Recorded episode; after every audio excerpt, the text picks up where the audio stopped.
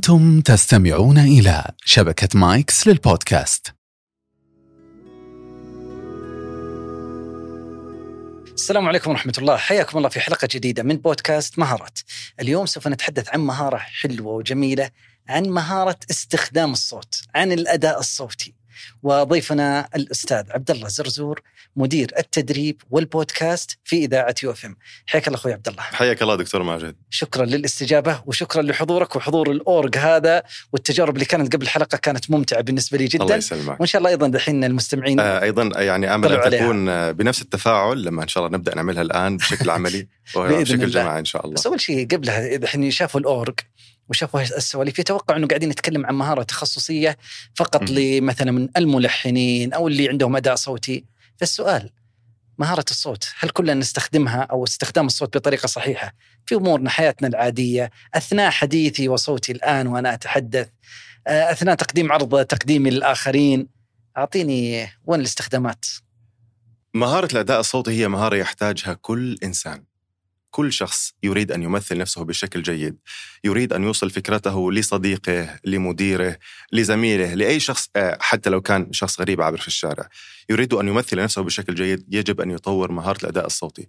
مهارة الأداء الصوتي هي مهارة آه، تعود بقدمها إلى قدم تواصل الإنسان مع أخيه الإنسان الآخر.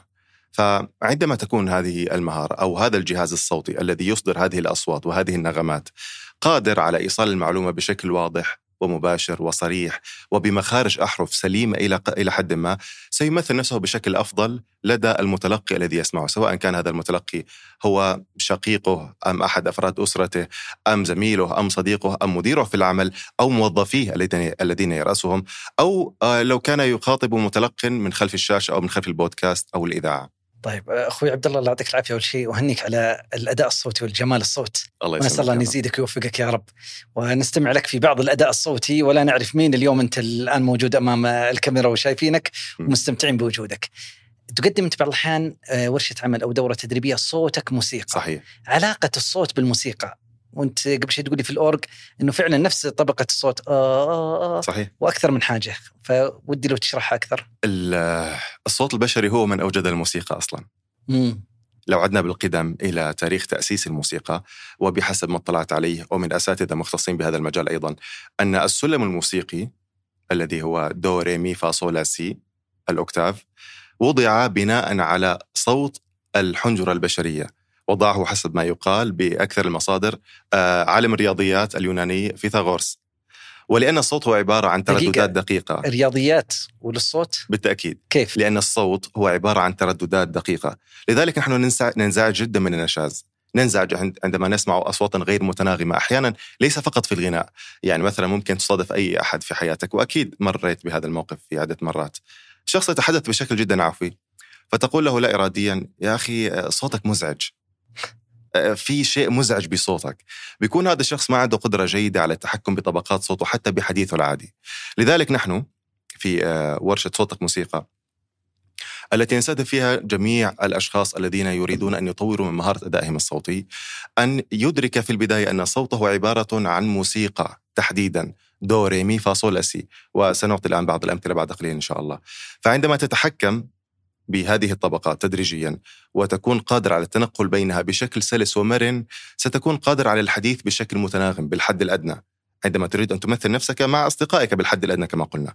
ولكن عندما تريد أن تكون محترفا في هذا المجال يجب أن تكون محترفا كليا في التنقل بين طبقات الصوت. وهنا نتحدث عن الأداء الصوتي الذي يشمل تقديم برزنتيشن أو الذي يشمل قراءة تقارير أو وثائقيات أو بودكاست أو حتى في ال- الإذاعات أو حتى في التلفزيونات أو حتى على المسارح.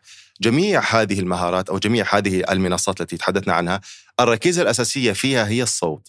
فعندما تريد أن تتدرب على الكاميرا عليك أن تدرب صوتك اولا. وستقطع ما نسبته من 50 إلى 60% من التدريب الذي تحتاجه لتصقل مهاراتك حتى تكون قادر على الظهور أمام الكاميرا بشكل جيد.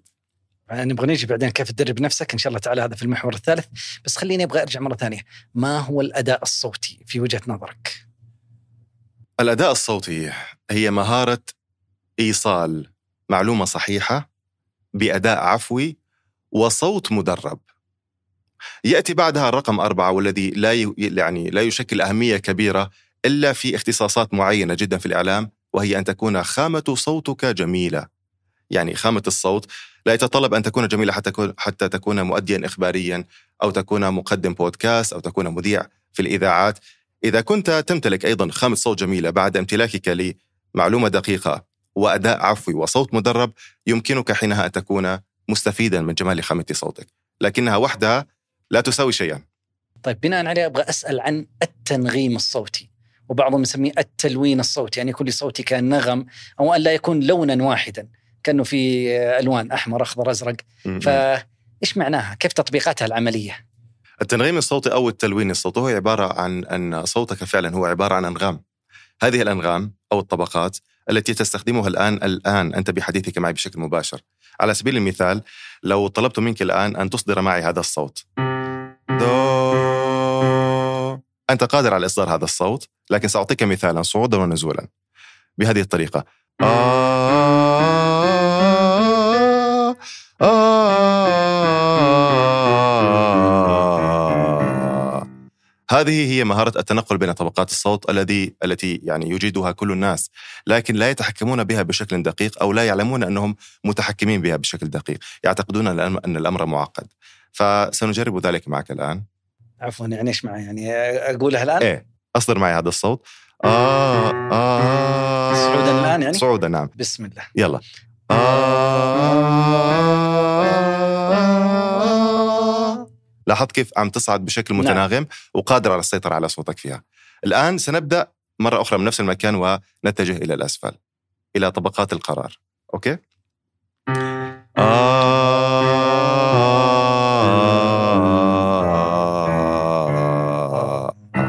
يا سلام.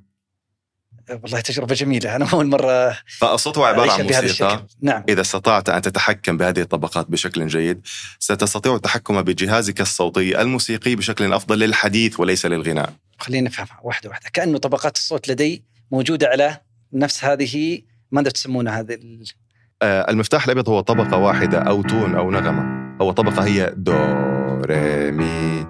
هي طبقة الصوت.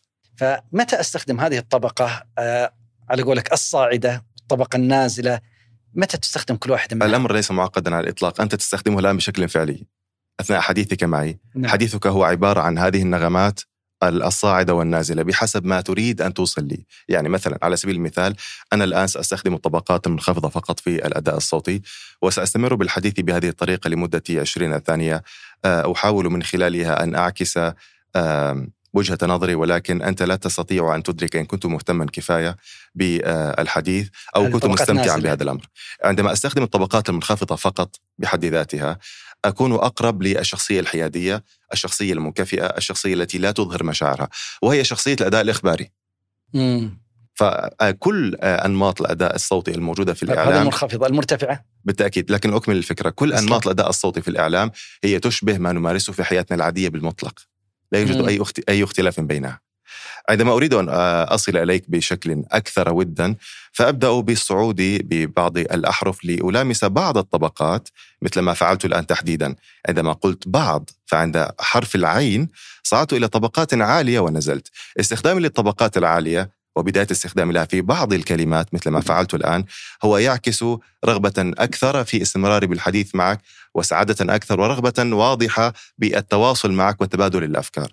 عندما لا أريد أن أكون كذلك فأكتفي بالحديث بطبقات منخفضة فقط والحديث بها لوقت آه، يسمح لك بإدراك أنني لا أريد ولا أرغب بإكمال هذا الحوار على سبيل المثال.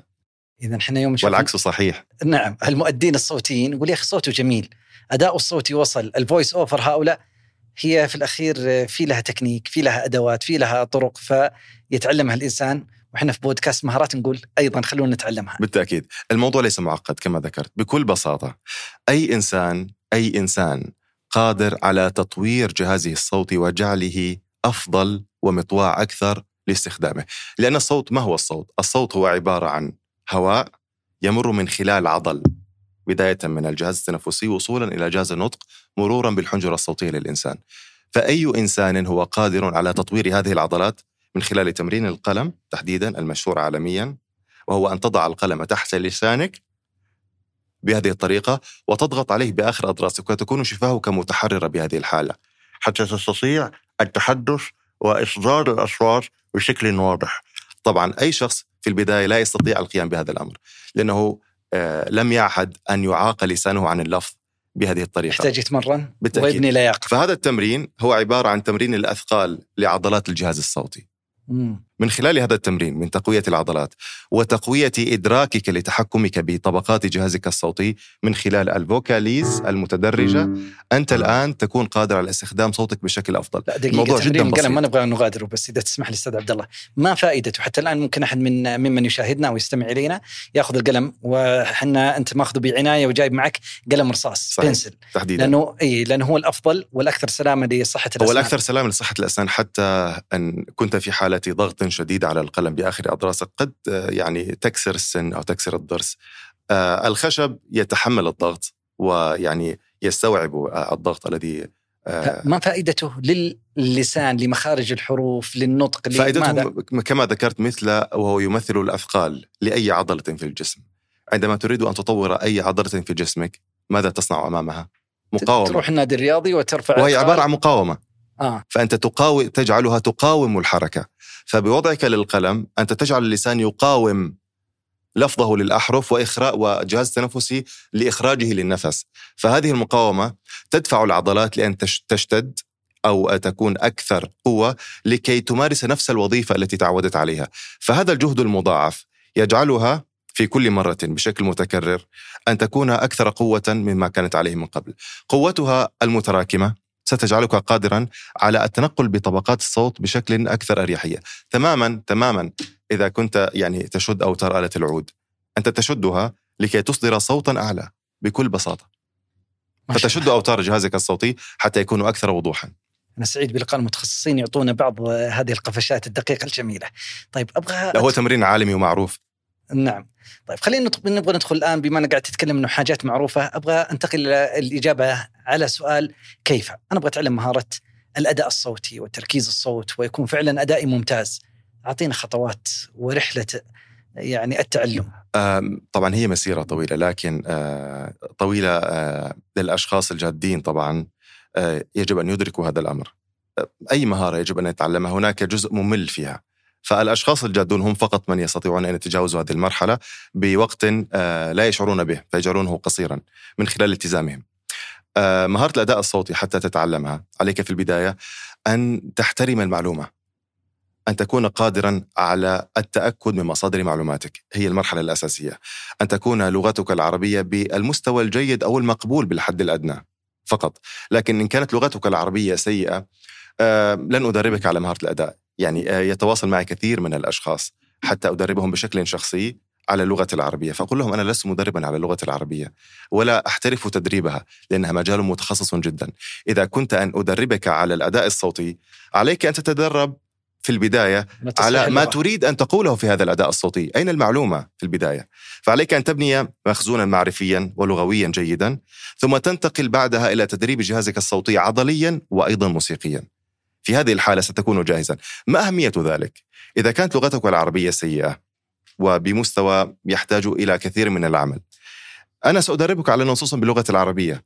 فإن كنت أثناء أثناء تدريبك وأثناء تدريبي لك تخطئ كثيرا في كل كلمة وكل جملة سيكون تدريبك متعثرا. عندما تقول أكل أحمد التفاحة. التفاحة صحيحة. التفاحة.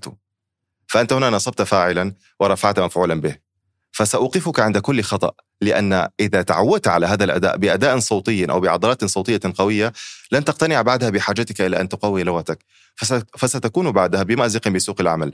لن يتعاونوا معك. إن كانت لغتك العربية سيئة. وماذا عن اللغة الإنجليزية؟ نفس الفكرة. من يكون لديه أداء باللغة الإنجليزية يحتاج أن يطور أداة التواصل اللي هي اللغة سواء بالتأكيد. عربي إنجليزي أو أي. لغة أخرى. بالتأكيد. اللغة والمعلومة والثقافة والمفردات.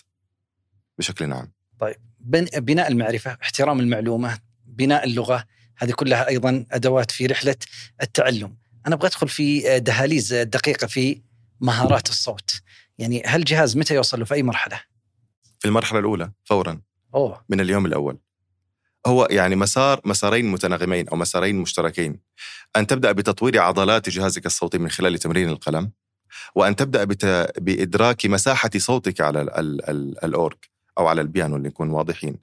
أه... تدرك مساحة صوتك.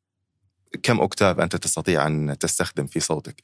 هناك أشخاص لديهم أكتافين في أشخاص ثلاث أكتافات بعضهم يصل إلى أربعة. بعض الشغلات أنا عرفتها منك حديثا ف octave لو تشرح ال octave هو الطبقات الموسيقية السبعة دو ري مي فا صول سي هذا ال octave يعني أنت مثلا مساحة صوتك يمكن أن تكون من هنا إلى هذه إلى هذه المنطقة فأنت تستخدم كاملة في هذا المكان.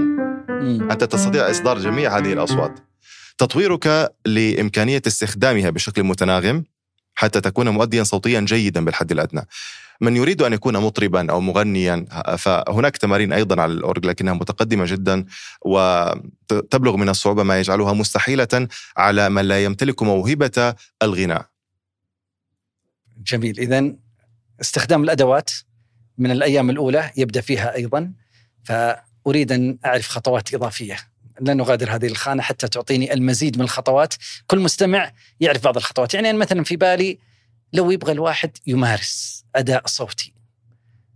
يبدأ على طول ممارسه ويظهر أمام الناس ويتحدث ممكن يسوي بودكاست يسجل شغلات مقاطع ولا هذه آخرها إلى مراحل متقدمة ومتأخرة؟ طيب في الورشات التي أقدمها أبدأ من الصفر مع كل شخص متقدم وأسعد إن كان من المبتدئين لأنه أريد أن يبدأ المشوار من الصفر. فأبدأ معه مثل ما قلت لك من ناحية تأكيد أهمية المعلومات. ثم من الناحيه العملية تدريبات القلم واكتشافه لصوته ولمساحة صوته في تمارين الفوكاليز وبعد ذلك آه زيادة ثقته باستخدامه لجهازه الصوتي أن يتحدث أمام الجموع أمام الأفراد أن يكون واثقا بأن صوته مسموع أن يكون واثقا بأن صوته واضح ومخارج أحرفه دقيقة. كل هذه التمارين تكون من خلال تكثيف تواجد مجموعة من المتدربين و يعني طلب بعض التمارين الارتجالية منهم آه، توقف وحدثنا عن رأيك بطبقة الأوزون. وعليك أن تستمر لمدة دقيقتين. هنا يجب أن تساعدك معلوماتك الشخصية. وثقتك بأن صوتك واضح ومسموع وثقتك أيضا بقدرتك على استخدامه بشكل جيد. فبناء الثقة بالجهاز الصوتي وبناء عضلاته وبناء قدرتك العقلية على التحكم به. نحن نتكلم عن مهارة يمكنك اكتسابها خلال ثلاث أسابيع إلى شهر. لكن اكتساب الثقافة والمعرفة هي رحلة عمر. نعم. لا تكتفي منها أبداً. طيب خلينا نتكلم بعض الأحيان في مخارج الحروف. بعضهم عنده قد يكون مشكلة في النطق. في بعض الأحرف لا يستطيع أن ينطقها جيدا. صح. آه ما رأيك هذا كيف يستطيع أن يعالجها؟ هل يذهب إلى طبيب ومتخصص في يسمونه أخصائي علاج علاج النطق؟ علاج النطق نعم صحيح. آه بيختلف الأمر باختلاف الحالة. يعني نواجه كثيرا من الحالات في أثناء مسيرتنا التدريبية. يمر علينا بعض الأشخاص الذين لا توجد لديهم أي مشكلة عضوية. فشكل أسنانه مكتمل وشفاهه مكتملة وفكه لا توجد به أي مشاكل عضوية. لكنه بدل أن يقول السين يقول ثين أو يقول سين. يحرك شفته في حرف لا يستلزم أن تتحرك أصلا.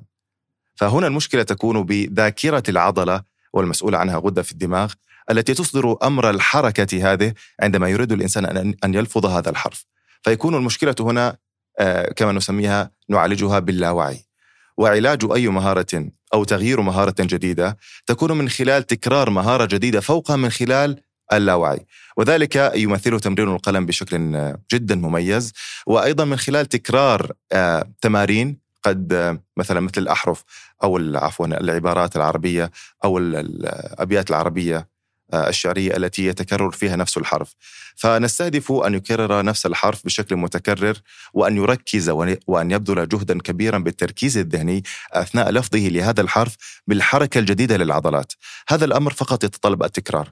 مثل بيت الشعر العربي الذي يقول وقبر حرب بمكان قفري وليس قرب قبر حرب قبري.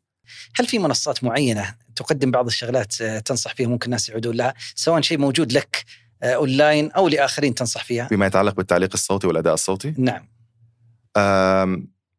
أنا لي رأي بهذا الموضوع. هذه لازم تحت إشراف مختص ويكون حضوريا خلينا نقول ناخذ الإثراء المعرفي الإثراء المعرفي ممكن لكن بالنسبة للتدريب على الأداء الصوتي عن بعد آه، مع أن مع أنه يحقق مكاسبا مادية جيدة لكن لا نمارسه في الواقع لأنه لا ينقل آه، من المهارة إلا نسبة جدا ضئيلة قد لا تتجاوز ال 15% آه، لأن جزءا أساسيا من تطوير مهارتك أو زيادة ثقتك باستخدام جهازك الصوتي هي أن تتمرن تتمرن أمام الجموع وأمام الآخرين حتى تكون آه، يعني تبدأ تبني ثقة تدريجيا.